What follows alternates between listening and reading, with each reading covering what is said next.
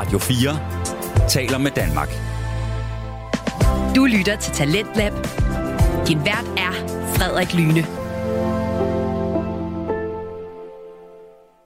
Jeg er 28 år, og jeg må ærligt indrømme, at jeg ved sgu ikke så meget om økonomi. Altså bevares, jeg kan få min families økonomi og min egen til at hænge sammen, men når det bliver sådan rigtig nørdet, ja, så, så hopper jeg altså af, og derfor er det måske også passende, at vi i aften øh, her på Talent på Radio 4, som jo er stedet, hvor du kan høre Danmarks bedste fritidspodcast, der skal vi jo høre fritidspodcasten Økonomi i øjenhøjde med øh, Frederik Bager i hele første time og lidt ind i anden time. Og hvis du ikke har hørt om øh, økonomi i øjenhøjde, så kan jeg sige, at podcasten dens navn meget godt forklare, hvad den går ud på. Det er nemlig økonomi forklaret på et niveau, så ja, selv jeg kan være med, og det siger altså øh, ret meget. Og i aftens afsnit, der taler Frederik Bager med Lars Tvede, som er bosiddende i Schweiz, og de skal lige præcis handle om Schweiz og landets økonomi og opbygning sammenlignet med Danmarks. Så i anden time efter en god omgang økonomisnak, der skal vi så høre et afsnit fra samtalepodcasten Gråzonen med Ahmed Omar og Hassan Haji, som taler med radiovært Elias Ramadan om, den såkaldte, om såkaldte praktiserende muslimer versus ikke tydeligt praktiserende muslimer. En meget interessant snak. Men først, så skal vi altså høre økonomi i øjenhøjde, så smid du har i hænderne, lav en rigtig dejlig kop kaffe og slå ned i sofaen og lad dig underholde de næste to timer. Her kommer økonomi i øjenhøjde.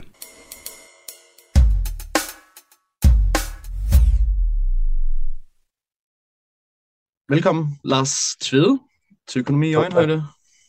Tak skal du have. Du er jo sådan en person, der kan præsenteres på mange måder. Jeg vil bare holde det kort til, at uh, du er iværksætter, investor og så forfatter. Og så har du en uh, forkærlighed for Schweiz, hvor du jo blandt andet også bor. Og det er så også det, vi skal snakke om i dag, mere specifikt uh, Schweiz og deres uh, økonomi. Kan vi ikke starte med, at, øh, at du fortæller, hvor du fik, øh, eller hvornår du fik øjnene op for Schweiz, og herunder økonomien i Schweiz? Jo, det er en lang historie, for da jeg var lille, øh, mellem jeg var 9 og 13, så blev jeg øh, hvert år inviteret af en klassekammerats forældre med til Sydfrankrig. Øh, og det var fordi, han, hans søster var så meget ældre, så var ligesom ene barn, og så øh, kædede han sig, når de var hele sommeren dernede, så spurgte de, om de måtte låne mig til at underholde dem. Så øh, der tog vi altid biltog til, til Basel, og så øh, derfra, så Basel er jo altså lige inden for grænsen af Schweiz, ikke, på nordsiden. Og så skulle vi køre gennem Schweiz på en eller anden måde, og så finde vej ned til St. Paul de Vence i Frankrig. Og så, for at gøre det sjovt, så tog vi lidt forskellige veje hver gang, så det var Furka-passet og Grimselpasset osv. Øh, så det gjorde så, at jeg så Schweiz, og det var enormt flot, synes jeg. Men, men vi stoppede der aldrig, fordi de havde jo ikke engang råd til en kop kaffe, en sige et måltid, fordi det var så dyrt altså på en eller anden måde tanken om, at det var så flot, og så samtidig så dyrt, at vi overhovedet ikke havde råd til noget som helst der. Det gjorde sådan ligesom den forbudne frugt, at jeg tænkte, det var dog fantastisk. Øh, jeg kunne egentlig godt tænke mig, en, en dag jeg havde lov til at stige ud i Schweiz og se lidt nærmere på varerne. Og så, øh, så senere, da jeg begyndte at læse og abonnere på Economist og hvad og sådan nogle ting, så begyndte jeg jo så også at forstå en masse ting om Schweiz, at, at det er jo et, altså det er jo fuldstændig unikt land på mange måder. Og jeg, jeg er opdraget egentlig som, kan man sige, sådan, øh, sådan lidt rød. Øh, mine forældre var offentlige ansatte, og det var ligesom, jeg overtog deres mentalitet. Og alle deres venner øh, var også det. Ikke øh, kommunister eller sådan noget, men, men noget deromkring. Øh, men så begyndte jeg at møde nogle mennesker, som var liberale. Og så, øh, så tænkte jeg, altså hvis man virkelig er liberal, så er Schweiz jo stedet, hvor man... Øh, hvor man kan opleve den, den, den nok den største frihed i verden. Men og, hvordan fandt du ud af det? Altså, fordi I kørte igennem, men det skriver jo nødvendigvis ikke, at uh, landet er liberalt som sådan. Nej, der kan du bare se det. Altså, det eneste, du kunne se, når du kørte igennem, det var, altså, altså nummer et, naturen enormt smuk. Smuk. Nummer to, det var enormt pænt og rent, og så så det ud som om, det var virkelig velhavende. Og sådan er det jo stadigvæk. Øhm, men, men øh, ja, så begynder jeg at læse, læse på det. På det tidspunkt havde jeg ikke den fjerneste anelse, om jeg så en dag ville komme til at bo der. Jeg tænker, hvis jeg vidste det, så skulle jeg nok have taget mig mere sammen i tysk og fransk undervisningen i skolen. men, øh, ja, den følelse kan man hurtigt få. Okay, jamen jeg vil ja. Lad os, øh, lad os så hoppe ud i, hvad det er, der er kendetegnende ved Schweiz og deres øh, økonomi. Og jeg synes, et godt sted at starte, det er jo det her med, at de øh, har kantoner Altså sådan selvadministrerende enheder, som vi jo i Danmark måske vil kalde kommuner, eller som vil være tilsvarende. Ja, øh, eller andre. Som det, Andre, ja. Men øh, det, for lige, for lige jeg, jeg vil gerne lige sætte det der i perspektiv, fordi øh, Øh, jeg har både skrevet bogen Det kreative samfund, som var en kæmpe intellektuel rejse for mig, og den handlede om, hvor øh, verdens øh, kreative eksplosion egentlig startede. Og det viser sig, at den startede i noget, der i dag hedder den blå banan, som er et, et øh, det, det var en, en, en sociolog eller demograf, som på et tidspunkt tegnede et kort, hvor han tegnede sådan en banan hen over Europa, som startede i Norditalien, og så altså Schweiz, og så Tyskland, og så øh, England. Og også øh, Benelux, eller Holland i hvert fald. Og det for, da, jeg, da jeg skrev den der bog, øh, så, så forskede jeg så meget i, øh, det, altså hvor, hvor opstod kreativiteten i Europa. Den opstod, den eksploderede omkring år 1450 men den eksploderede stort set kun i et område, som var et bystatsområde. Der var på et tidspunkt efter Romerrigets fald, var der omkring 5.000 bystater i Europa. Og øh, så, blev, så blev det så relativt hurtigt konsolideret i store, i topstyret kongestyre rundt omkring. Men øh, den blå banan, det man kalder den blå banan i dag, det er det område, som blev ved med at være bystater og altså virkelig småstater i, i 500 år længere. Og, og det viser så, at, at det kræver virkelig meget decentralisering at have innovation. Og, og hopper man længere tilbage i tiden til øh, den græske, antikens græske kultur, så havde de jo også en meget, meget kreativ periode. Og det var i en periode, hvor de var mellem 700 og 1000 bystater. Senere, da de blev konsolideret af øh, Alexander den Store til et imperium, så stoppede innovationen. Og der er næsten intet i internationale leksika, for eksempel om kreativitet i Grækenland, efter det blev konsolideret til et imperium. Så det er jo meget interessant. Og det, der, det, det vi har i Europa i dag, det er, at vi har nogle levn af den her meget kreative periode i middelalderen. Og, og der er nogle af dem, de ligger sådan drøbet rundt omkring, der, øh, der, øh, der er jo sådan små øh, bystater, hist og pist, Andorra for eksempel, Monaco og, så videre. Generelt er de her bystater langt, langt rigere end andre lande. Men Schweiz er en løs sammensmeltning af nogle bystater. Det er det der. Og og det, der, det, det, det, der har, har gjort, at Schweiz er blevet ved med at være meget specielt, det er, at de har en grundlov, som øh, har nogle meget stærke principper. For det første er det helt unikt indskrevet i grundloven indirekte, at staten kun kan kontrollere 11 procent af landets økonomi. Og det er indskrevet på den måde, at der er lagt et loft over, hvor højt momsen kan være, nemlig 8 procent, der er et loft over den statslige opkrævede indkomstskat og et loft over den statslige opkrævede selskabsskat. Tager man det til sammen, så kan det kun give cirka 11 procent af landets økonomi. Derudover så har man også for ikke så lang, mange øh, år siden lavet en ny grundlovsændring, hvor man også indførte, at, at staten kan ikke systematisk optage lån. Så der er sådan en matematisk form, som gør, at de godt lige lave lidt konjunkturudligning, men ellers så skal de betale det tilbage igen. Og det vil sige, at deres gæld som andel af BNP vil blive, uh, falder, falder, falder, det vil den blive ved med at gøre. Så at man har så de her 28 kantoner, som gennemsnitligt har 300.000 indbyggere, Øh, men derudover så har man omkring 3.000 kommuner. Så øh, kantonerne kan være beskatte, som de vil, Ved den, ved, øh, fuldstændig, de kan selv vælge skattestruktur osv.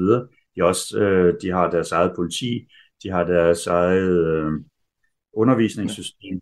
Men vil det sige, at, det kan, at de godt må øh, hoppe væk fra det, som øh, grundloven prøver at diktere indirekte? Ja, grundloven, grundloven vedrører kun, hvad staten må. Så der bliver opkrævet mere end 11 procent øh, skat i Schweiz. Der bliver opkrævet cirka 33 procent af BNP. Som lige for perspektiv, så var det, nogle, det er nogenlunde det samme skattetryk, som Danmark havde under Jens Otto Kraus socialdemokratiske regering. Så, okay. så, så det er der, det er. Øh, men, men Øhm, så kantonerne opkræver skat, og kommunerne opkræver skat. Men der er meget stor konkurrence mellem både kantoner og mellem kommuner, og det vil sige, hvis man hæver skatten for meget, så skrider folk. Og derfor så mm. gør det enormt meget for at være effektive. Så man har, man har skattekonkurrence. Og der var for eksempel for nogle år siden, øh, efter den store finanskrise der i 2008 og 2009, så havde Zug, kanton Zug, hvor jeg bor, de havde så underskud i 2009. Så kom så øh, finansministeren øh, og de har så en finansminister i en kanton. Altså han kom så ud og, og undskyldte mange gange, det havde underskud, og det er meget ked af, men øh, nu kan jeg ikke lige huske det præcis, men jeg, jeg mener, han sagde, at det er første gang i 13 år, vi har underskud, og vi har en kæmpe milliardformue, så I skal ikke være bekymret. Senere så kommer så Lucerne ud, som ligger lige ved siden af Zug, og siger, at de vil sænke skatterne. Så kommer så Zug ud og siger, I skal bare vide, uanset hvad de gør i, Lucerne, vil vi altid ligge under dem. I kan stole på og så kom så den anden nabokanton, Schwyz, de ligger i knivskarp konkurrence med Zug om at være mest effektive. Så det, øh, det der system, det holder skattetrykket nede. Men det sjove ved det er, at så er der mange, øh, blandt andet i Danmark, når man snakker om Schweiz, så tror folk, nå ja, men, men det betyder, at der må være mange sociale tabere, når man ikke opkræver mere skat. Og det er sådan en nulsumstænkning, det modsatte af, øh, af sådan moderne mindset. Sagen er, at der bliver opkrævet det samme, nogenlunde det samme i skat per indbygger i Schweiz, som der gør i Danmark. Øhm, men det er muligt af to årsager. Den vigtigste årsag er, at det private erhvervsliv per indbygger er sikkert dobbelt så hurtigt i Schweiz. Dobbelt så stort i Schweiz, som der er i Danmark. Øh, det vil sige, at du har simpelthen en meget, meget større kage at beskatte. Og, der, og så det, den årsag, så kan man have meget, meget lavere skattesatser. Den anden øh, som hænger sammen med det her, det er, fordi der er meget lave skattesatser, så er der meget mindre sort arbejde, og det vil sige, at man får rent, rent faktisk de penge ind, som man beder om. Og, øh, og så lige for at sætte perspektiv på skattesatser, øh, så er øh, nogle ting er momsfrit, nogle ting har, jeg tror, 2,4% moms, det er for eksempel hoteller og restauranter og sådan nogle ting. Øh, fødevare øh, har også meget lav moms, men ellers så er det 8% øh, har i øvrigt, øh, de sænkede det efter, jeg kom til Schweiz, så sænkede de fra 8 til 7,7, nu er det så hævet det til 8 igen. Men øh, indkomstskat, øh, der er det dyreste kanton er Genève, det er sådan en outlier, øh, de ræve røde efter Schweizernes mening, øh, og den er næsten lige så dyr som Danmark, men ikke helt. Men altså, nej, det er den ikke, fordi øh, gennem, gennemsnitlig er marginalskatten top, altså, altså øverste skattetryk, du kan have, det er gennemsnitligt for kantonerne cirka 30 procent. Men hvad med den, øh, du lige nævner her, som har det højeste skattetryk? Altså, hvad får den kanton mere for pengene, end de andre gør? Altså, er det tydeligt, at fordi de hæver mere, så får de også mere? Jamen, de får jo ikke, de får ikke mere. Det er det, der er problemet. Fordi at dem, som tjener meget, de store succesrige virksomheder, de flytter sig ind til de andre kantoner, så de får ikke mere. Der var en, der var en, en ret interessant øh, episode, som galt en kanton, der hedder Valden. Så nogle af de her 28 kantoner, de er opdelt i flere administrative enheder, fordi man ikke kunne blive enige, så sagde man, lad os splitte det op, for eksempel Basel, men også Valden. Og i Valden, der var øh, Nidvalden, de valgte at sænke skattetrykket. Og Opvalden, som altså fuldstændig ligger lige ved siden af, ikke? Øh, de beholdt det samme skattetryk. Og så da der var gået nogle årtier, så var bruttonational per capita, det var så blevet 40% højere i, i end i Opvalten. Og det vil sige, at Nidvalden fik det samme skatteproveny ind per indbygger som Opvalten, men de var meget rigere. Og så, så, altså, så kunne de jo godt se i Opvalten, måske kan det bedre betale sig i virkeligheden, hvis vi sænker skattetrykket. Så gik de, altså, jeg hvordan det skete, så gik de, så, så spassede de helt ud så vedtog de med 93% majoritet ved en folkeafstemning at lave degressivt skattetryk. Degressivt skattetryk, det betyder, at jo mere du tjener, jo lavere bliver din skatteprocent. Mm. Dog øh, vil du stadigvæk betale mere skat, fordi du tjener mere. Det var ikke sådan. Øh, og og øh, så kom så øh, regeringen i Schweiz kom ind og sagde, at det var i strid med grundloven, fordi grundloven sagde sådan lidt diffust, at man skulle betale skat i forhold til sin evne. Og så sagde de, at de må gerne lave en flat rate tax. Og så lavede de så en flat rate tax med 6% skat. Øh, og så begyndte væksten virkelig at stikke af der også. Øh, men det er det, øh, sådan Schweiz øh, generelt gør. Så kan sådan noget som bilskatter for eksempel, det er op til de forskellige kantoner. De kan vælge, hvilken bilskat de vil, hvilket betyder, at der ikke er nogen bilskat nogen steder. Det eneste er, at der er en, en, der er en meget lille årlig afgift, men ellers øh, altså, der er ikke en skat for at købe en bil. Øhm, så de kan vælge, om de vil have kapitalskat. Det er der så mange, der har gjort. Så kapitalskatterne ligger mellem 0, altså formueskat, undskyld, der ligger mellem 0 og en halv procent af ens formue. om året, afhængig af, hvad man kan, øh, hvor man bor. De kan også vælge, om man vil have ejendomsskat.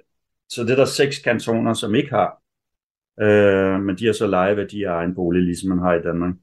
Øh, okay. men, så jeg bor i Zug og i Valais, så i den tyske og den franske del, og ingen af de to kantoner har ejendomsskat.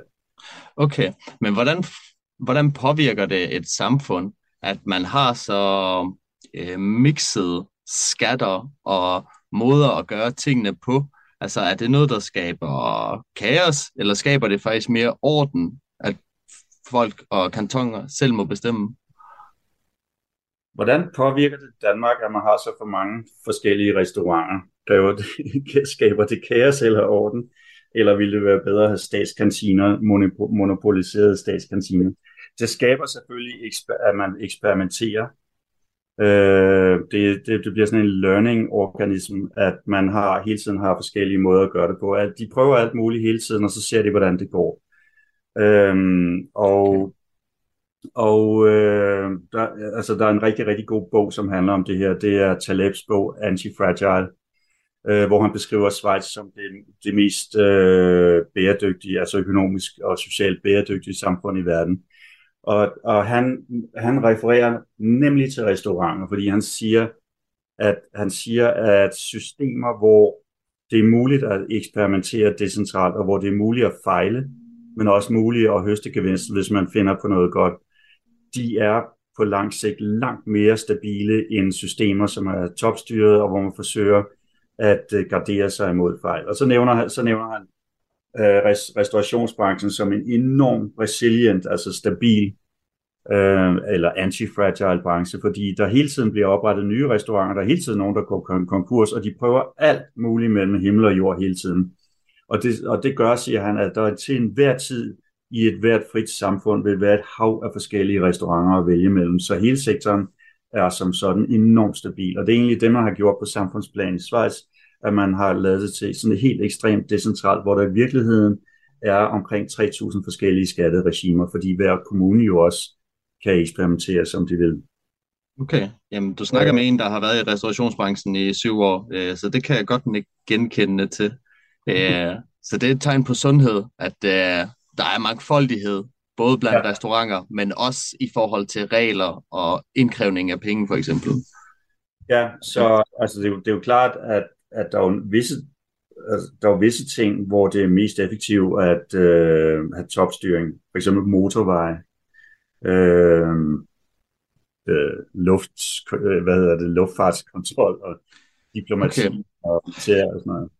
Okay, men vil du så ikke fortælle, hvordan det fungerer sådan rent administrativt? Fordi i Danmark, der har vi jo så vores øh, regering, og så udpensler de nogle retningslinjer, og vi har vores kommuner, der også laver nogle øh, regler øh, inden for deres kommuner.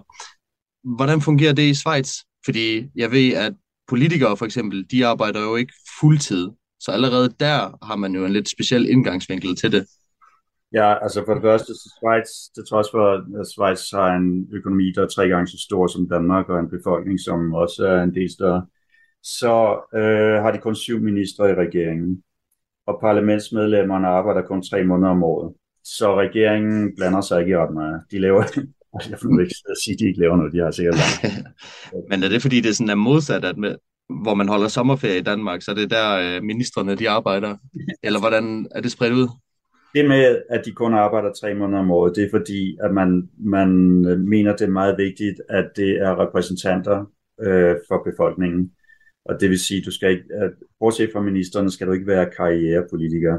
Du skal være hjemmegående husmor, du skal være, eller far, eller du skal være øh, advokat, murer eller et eller andet. Du skal være en repræsentant for det, der foregår i samfundet, så du virkelig forstår det, det du skal, der skal styres. Men derudover så gælder det jo også, at langt det meste bliver ikke afgjort overhovedet af politikere, det bliver afgjort ved folkeafstemninger. Så Schweizerne bliver sådan typisk øh, inviteret til folkeafstemning sådan cirka fire gange om året. Okay. Og, og der skal de stemme om lokalting i kommunen, og måske nogle ting i kantonen, det er der ofte, og så en gang imellem også om nogle ting øh, for hele, hele samfundet. Og det er også relativt let at samle underskrifter ind til at få lavet en, en landsdækkende folkeafstemning. Og når man gør det, så kommer regeringen meget ofte med et modforslag, som er sådan, går noget i den retning, men måske ikke hele vejen. Og så, så, så bliver det en folkeafstemning, hvor man kan stemme om den her øh, for, folkets forslag, og så regeringens forslag, man kan også nedstemme. Og det sjove ved det er, at Schweiz, de nedstemmer stort set alt. Så det er langt over 90 procent af alle folkeafstemninger, det resulterer til den, i et nej. Nå. Det skabt en ret pudsig kultur, fordi det er blevet en helt kunstart at formulere et ja, så det lyder som et nej. Altså, så håber man folk, så håber man folk ikke er så opmærksom på, at de faktisk stemmer ja, hvis de siger nej. Okay. Radio 4 taler med Danmark. Vi er i gang med første time til på Radio 4, og vi er lige nu i gang med at høre interviewpodcasten Økonomi i øjenhøjde med vært Frederik Bager, som taler med gæst Lars Tvede, som bor i Schweiz om lige præcis svejsisk økonomi. Og vi skal nu høre lidt om den svejsiske kultur og hvordan den påvirker den økonomiske opfattelse i landet. Så lad os da vende tilbage til podcasten. Her kommer økonomi i øjenhøjde. Jamen, øh, nu kommer du lidt ind på noget, øh, som jeg også synes er et interessant spørgsmål, og det er, øh, hvilken del af svejsisk kultur, der ligesom gør en forskel for deres øh, økonomiske opfattelse, men også politiske opfattelse på den måde.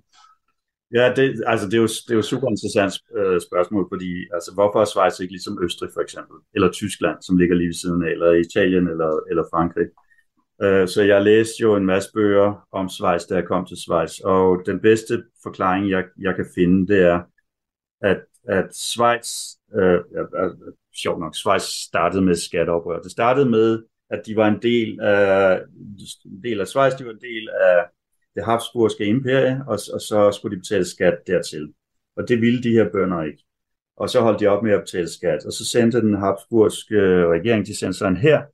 Og den her, øh, den blev slået op på sletten op over Suk.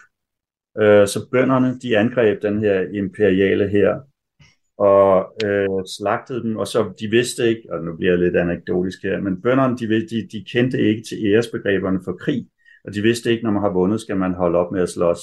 Så Habsburgerne, de flygtede så ned til Sugersee, og så, flygt, så løb bønderne bare efter, indtil de havde myrdet dem alle sammen. Og det anså folk for at være meget ufint. Men, men uh, Habsburgerne kom ikke tilbage. Og så var der så tre kantoner, som i første omgang slog sig sammen øh, i et forbund. Og så efterhånden så kom der flere kantoner til. Men det specielle var, at de første kantoner, de talte tysk, men så kom der Ticino, hvor de talte italiensk, og så kom der franske kantoner også. Så det var i virkeligheden små middelalders samfund, som bare lavede en alliance. Og de lavede den her grundlov, som er ekstremt liberal, fordi de alle sammen var bange for at blive domineret af de andre. Så det var i virkeligheden tyskernes angst for at blive domineret af franskmændene, og franskmændenes for at blive domineret af tyskerne osv., så de var meget, meget påpasselige med, at den her stat ikke måtte blive for stærk. Og derfor så indførte de også et såkaldt subsidiaritetsprincip, som man også har i EU, selvom det absolut ikke føles som.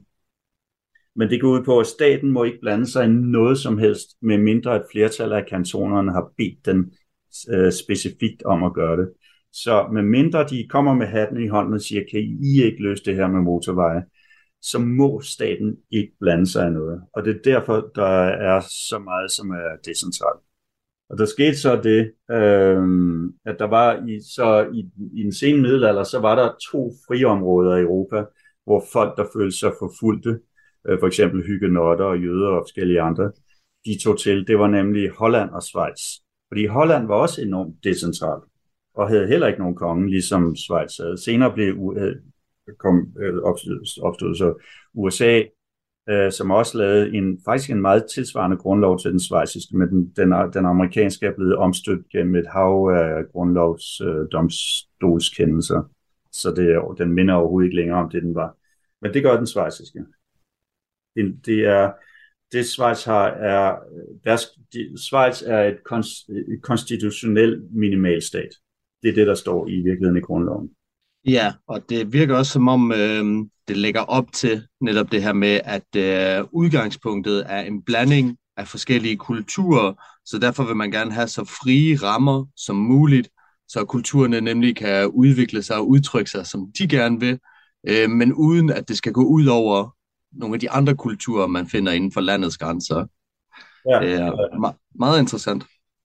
Okay. Ja, det er et yderst interessant socialt eksperiment, vi har her lige i midten af Europa.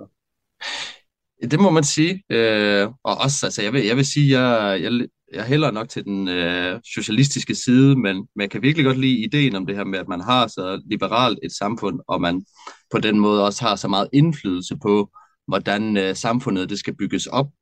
Øh, og specielt og det her, jeg, jeg synes virkelig, at levebrødspolitikere, det er, er det en, det er en skidt ting, øh, og utroligt, at man overhovedet kan det. Øh, så netop det her med, at de egentlig også laver ja, noget ved siden af. Jeg skal jo lige sige, at der er jo intet, der forhindrer øh, socialister i at lave en socialistisk kommune i Schweiz. Absolut intet. Øh, til gengæld så ville socialistisk land jo ikke tillade liberaler at lave en liberal kommune. Så på den måde, så kan du sagtens, hvis du, øh, hvis du, har, hvis du kender 1000 eller 500 eller 10.000 socialister, så kan man slå sig ned i Schweiz og lave et, et øh, socialistisk nærsamfund. Det er helt frit for. Okay, det vil jeg da overveje. Hvordan, øh, med svejsisk økonomi, hvad er det, der er med til at gøre, at den er så stabil, som den er? Altså det er noget, man både har set i fortiden, men det er også noget, man ser nu her med, at de for eksempel håndterer inflationen bedre end så mange andre lande. Ja, altså nu, jeg vil sige, det der med inflationen, det har sådan nogle specielle årsager. Øh, dels at Schweiz er steget, dels at øh, energipriserne er lave, fordi man har atomkraft og dæmninger, så man har meget lave strømpriser især. Øh, og så dels at huslejer ikke automatisk bliver inflationsreguleret, så huslejer har ligesom har ikke, ikke skubbet med. Men det, der generelt gør Schweiz stabil, det er, at øh, politikken er stabil, så netop fordi regeringen ikke rigtig må gøre noget, øh, så, så er der meget, meget få ændringer i, øh, i rammebetingelserne.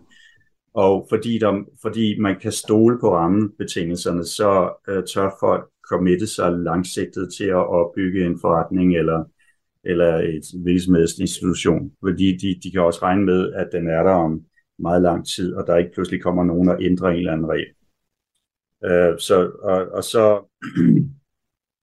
er der også, altså der er, der er opstået sådan en meget fredelig kultur i Schweiz, øh, som er helt, altså det er et super interessant emne er, hvad, hvad der egentlig skaber kultur. Men når man har et samfund, som er baseret på en meget stor, stor høj andel af frivillighed, altså win-win transaktioner, øh, så, så opstår der en meget fredelig og tillidsfuld øh, kultur, hvor folk søger at, øh, at gøre noget, som hele tiden er bedre øh, for de andre. Men når man har en meget tvangsbaseret kultur, og det er, altså hvis vi lige skal tage den, så vil jeg sige, at altså, stærk kollektivisme, det er jo socialisme, fascisme, nazisme, øh, præstevælde. Det er der, hvor man, øh, man ovenfra presser en struktur ned over folk. Det er sådan en win-lose øh, struktur.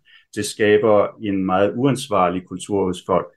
Og det, det er derfor for eksempel, når øh, socialistiske samfund falder sammen, hvad de normalt gør, så opstår der enten fascisme og eller meget stor kriminalitet bagefter.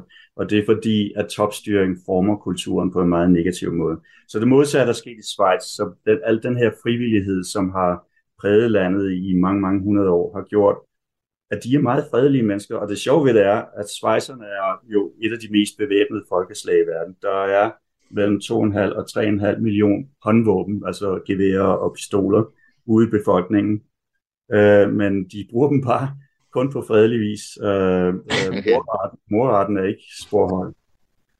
Ja.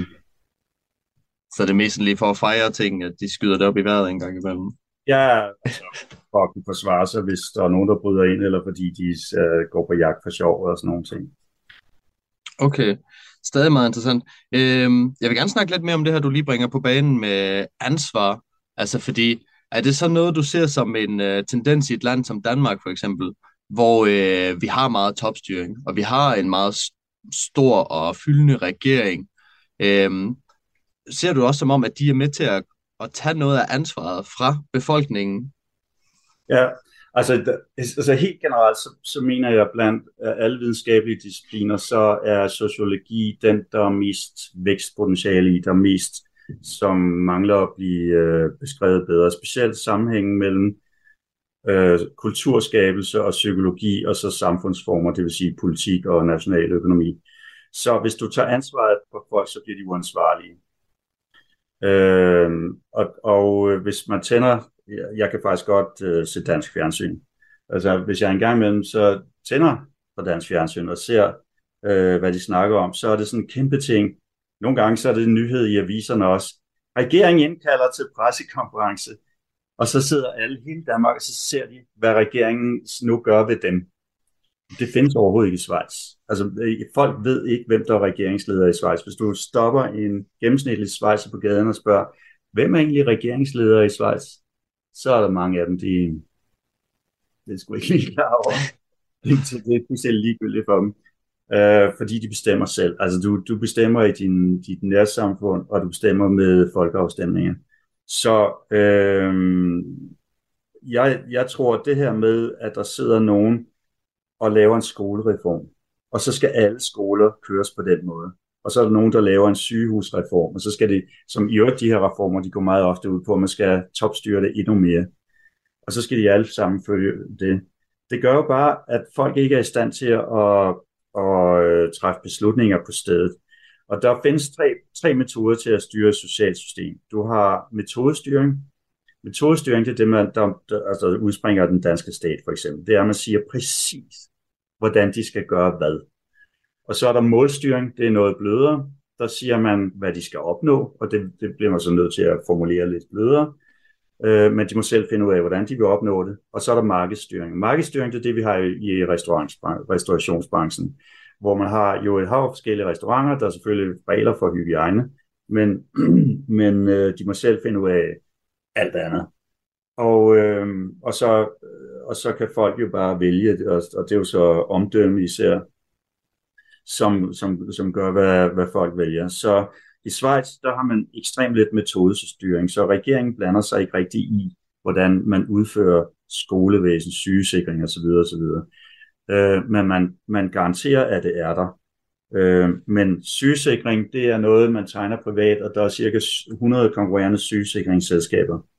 Og så er der jo tusindvis af sygehuse, og så på alle mulige privatklinikker, og så selvfølgelig praktiserende læger, ligesom i Danmark. Øh, Øh, men de ligger alle sammen i konkurrence med hinanden. Og jeg har haft den oplevelse at få to børn, i to piger. Den første i Danmark, året før vi forlod Danmark, det var ude på Gentofte sygehus, og så den anden i Suk. Så ude på Gentofte, det var sådan en meget besværlig øh, fødsel. Det viste sig meget, meget sent, at barnet lå omvendt og øh, tog ni timer, og på et tidspunkt snakkede de om, at hun nok ville være dødfødt og sådan nogle ting øh, og der var tre til stede øh, under fødslen. Øh, I Schweiz, det var noget helt andet. Altså, du kan slet ikke sammenligne. Øh, blandt andet var der ni til stede under fødslen.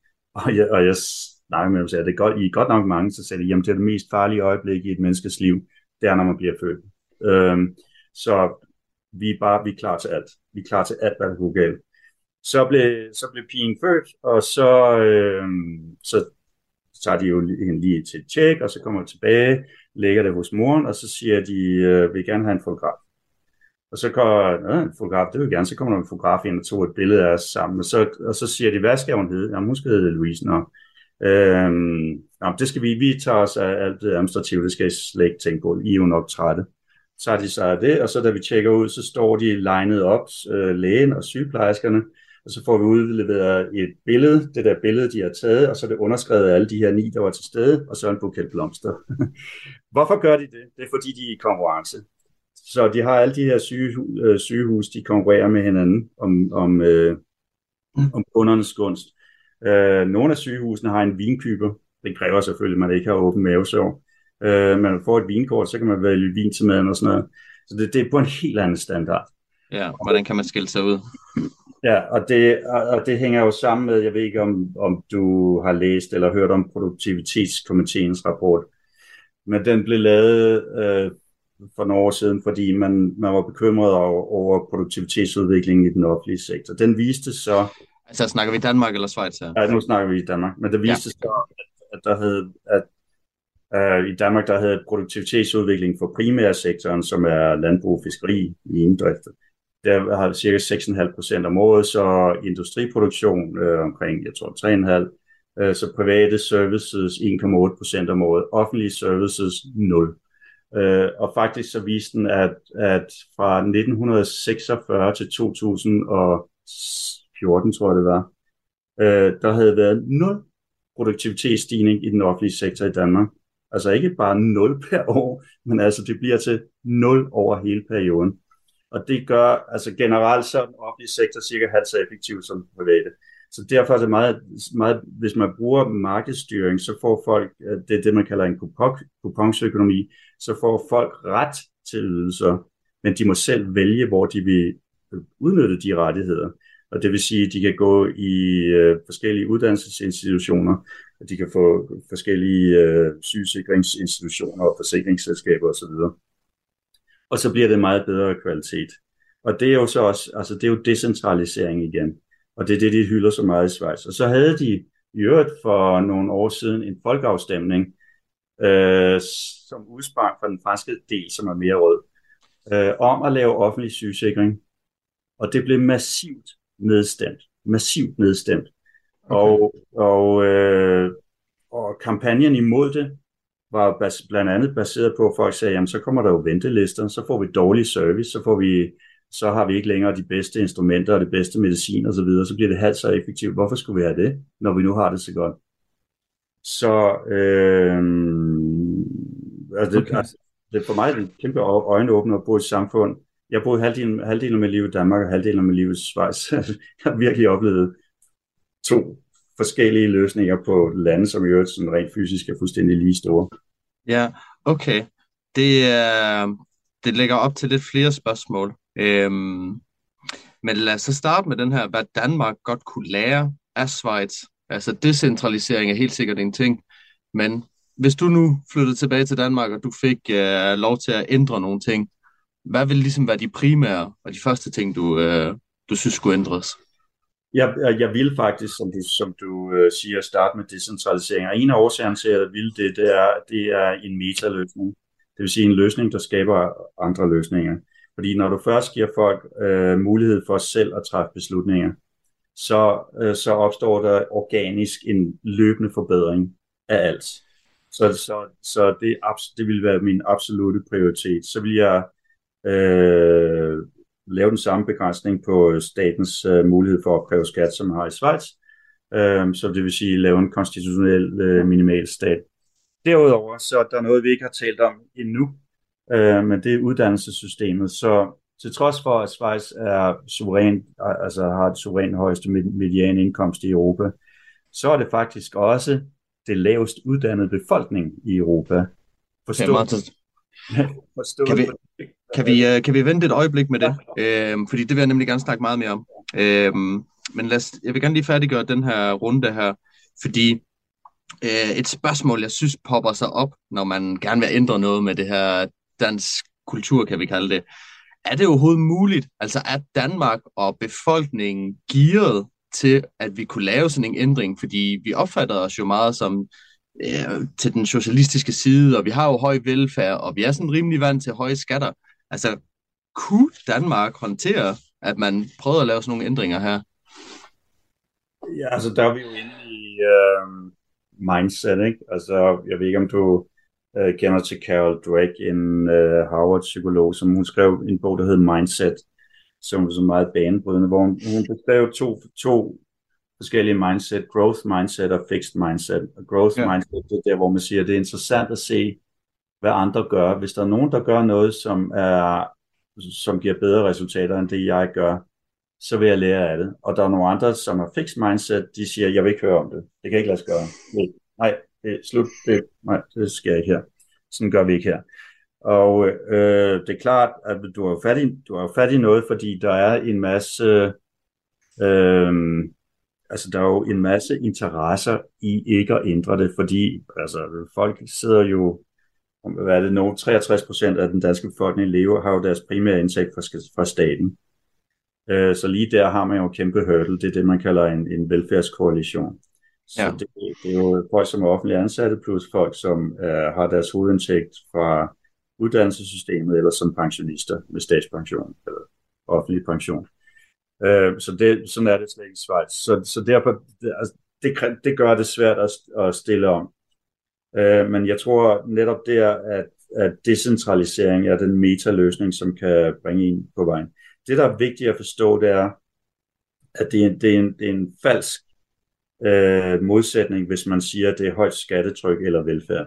For der er langt bedre velfærd i Schweiz, til trods for det meget lave skatte, skattetryk. Øh, Schweiz er det land, folkeslag i verden, der lever længst. Øh, på nogle målinger er Japan lige op på omgangshøjde. Øh, de er på øh, Age Watch Index, dem, det land i verden, hvor det er bedst at blive gammel. Øh, de har ekstremt lav arbejdsløshed, de har ekstremt lave sociale problemer.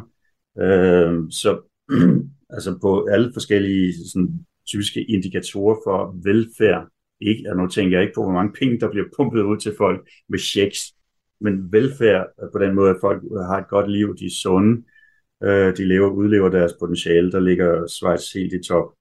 Øhm, det øh, Schweiz især er rigtig god til at gøre, det er at undgå, at folk ligesom falder ud af systemet. For eksempel, var har jeg ikke helt opdateret statistikker, men Danmark har en restgruppe, som restgruppen, det er, 20, det er, det er dem, som ikke får nogen uddannelse.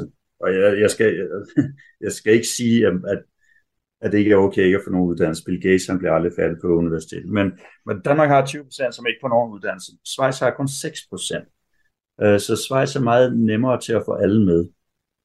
Og, øhm, og, og det, men så, så skal vi nok tilbage til det her med uddannelsessystemet. Lad os bare komme derover stille og roligt så. Radio 4 taler med Danmark.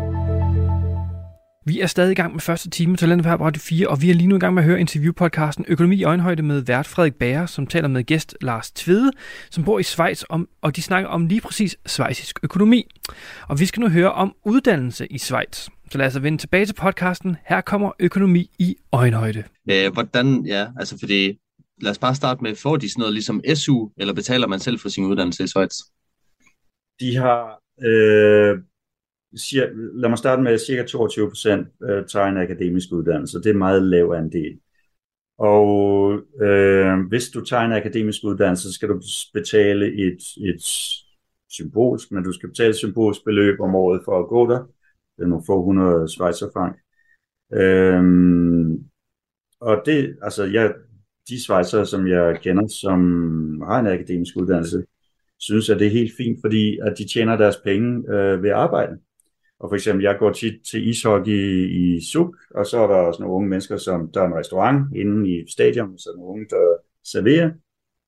Og så falder jeg i snak med dem i pausen. Så hvad laver du, når du ikke serverer her? Jamen, jeg læser jura, eller jeg læser til økonom, og så videre. Men de kommer ud, og så arbejder de mellem almindelige mennesker øh, med almindelige jobs, og det tror jeg er mentalt afsindigt sundt.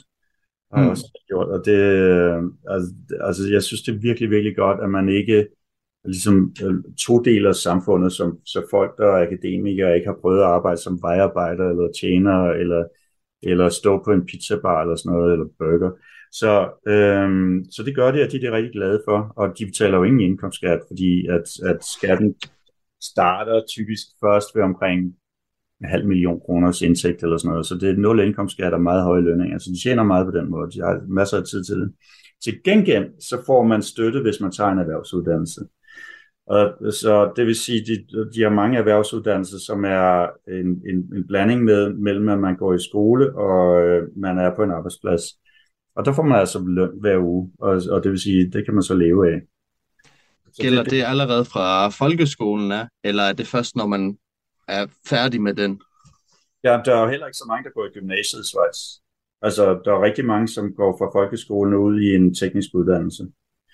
Øh, forleden dag, eller forleden dag, det er nogle måneder siden nu, men der var jeg ude og holde tale i Dansk Schweizisk Handelskammer. Det var øh, hotelskolen i Lausanne. Og det, det er jo sådan en praktisk øh, skole. Og det var helt vildt. Jeg, jeg, jeg, jeg, jeg blev blæst bagover. Det, altså, det er et palads. Øhm, altså bare forjen ligner øh, femstjernet hotel top, top. Det var, de har investeret over en milliard kroner i en renovering øh, for kort tid siden. De her svømmehaller, sportshaller, de havde 11 restauranter, som selvfølgelig de eleverne drev. En af dem havde en Michelin, eller 11 restauranter bare, en af dem havde en Michelin-stjerne. Øh, alt var, var fuldstændig fantastisk. Men det er en hotelskole. Øh, så det er ekstremt populært at tage en treårig praktisk uddannelse, og så komme i gang med at arbejde. Det vil sige, at det også typisk kommer i gang med at arbejde, når de er omkring 22. Øh, det er omkring cirka. Og, og, og så får de sådan en, altså så tidlig alder er man ude og have den helt utrolig fantastiske oplevelse det er at levere et produkt eller en service til et menneske, som vil betale for det. Øh, det er den her frivillige transaktions, øh, frivillige win-win transaktion, som efter min mening er essentiel for sammenhængskraften i et, sam, i et samfund.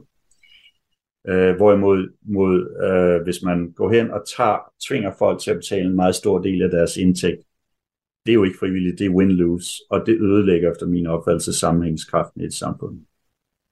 Okay. Ja, meget spændende. Jeg har selv gjort mig nogle tanker om i forhold til, øhm, til dansk fremtid, at jeg synes også, det ville give meget bedre mening, hvis man rustede øh, folk i en tidligere alder til at komme ud på arbejdsmarkedet.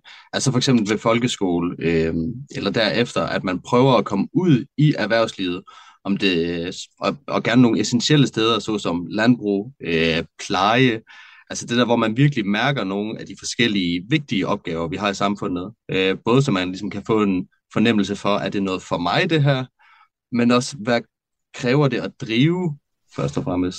Ja, det, øh, jeg, jeg er fuldstændig enig. Det er også det der, kan jeg se mig selv i det. Ja, meget godt. Ja. Øh, altså det, det er jo, jeg synes, det er jo enormt trist, hvis der er nogle mennesker, som altså, man ikke bare øh, hakke på politikere, men man kan måske nok hakke på det politiske system, men hvis der sidder nogen, der sidder politikere og skal have enorm magt over folk, men jeg har aldrig rigtig været ude og, og have de jobs, som almindelige mennesker derude har. Ja, ja det, det er lidt vildt. Hvordan øh, er det i forhold til med iværksætteri så? Fordi nu er vi sådan lidt lidt på erhvervsuddannelser, og der må være rigtig mange, der så starter deres egen virksomhed, kan man forestille sig. Men hvad gør Schweiz for ligesom at give en god grundbund, eller grobund for iværksætteri? Altså det er jo noget, jeg har interesseret mig meget for. Jeg har jo skrevet bøger om det. Øh, nu nævnte jeg tidligere det kreative samfund. Jeg har også skrevet en bog, der hedder Iværksætter, og jeg øh, øh, har jo selv været venture capitalist og startet 13 virksomheder osv. Men, men øh, generelt kan man sige, at det der, det, der typisk i verden skaber gode rammebetingelser for meget innovation, det er en kombination af ting. For det første så er det rigtig godt at have hovedkvarterer for multinationale selskaber. Øh, fordi så opstår der sådan en helt underskov af breakouts, plus at, at, at startup virksomheder kan sælge deres produkter ind til de her store marketingmaskiner, som, som tager, tager dem ud i verden. For det andet skal man have en relevant undervisningssektor, det vil sige gode universiteter, gode praktiske erhvervsskoler. Øh, og så skal man have lave skatter på øh, ting, der er relevante for iværksætteri. Og så skal man have en attraktiv livsstil. Og det sidste er nok noget, som er blevet mere og mere dominerende, fordi øh, jeg tror ikke, folk tænker så meget på, i de baner for 30 år siden, men nu i dag er der mange, der siger, jeg vil altså også bo et sted, hvor der er fedt at være øh, og så finder jeg ud af at lave, hvad jeg vil. Også fordi man kan være digital nomade, ikke bare sidde og arbejde med sin computer. Så hvis vi så tager til det specifikke, skal jeg lige sige for det første, at Schweiz er verdens mest innovative land. Så de, øh, de har meget på målinger, det man kalder kreativ densitet, øh, ligger Schweiz helt i top. Men den vigtigste indikator, det er Global Innovation Index, og på Global Innovation Index, der har Schweiz i en overrække nu ligget som verdens mest innovative land. Udtager blandt andet cirka dobbelt så mange patenter per capita som Danmark. Øh, de konkurrerer med Sverige om at tage flest Nobelpriser per capita osv. osv. Uh, men det de gør sådan rent institutionelt, det er, at hvis du starter en virksomhed og sælger den, så skal du betale 0 skat. Ikke 40% eller 27% eller 15%. 0. 0%. Ja. 0%. Og altså hele fortjenesten fra at sælge en virksomhed, den beholder du. Og det folk typisk gør i praksis, det er, at de tager de penge, og så investerer dem i nye projekter, andre menneskers projekter, deres egne projekter, og så kommer der flere virksomheder ud af det. Klart, de også tager noget fra til forbrug, øh, men det giver bare sådan en, en sådan konstante kaskader af innovation.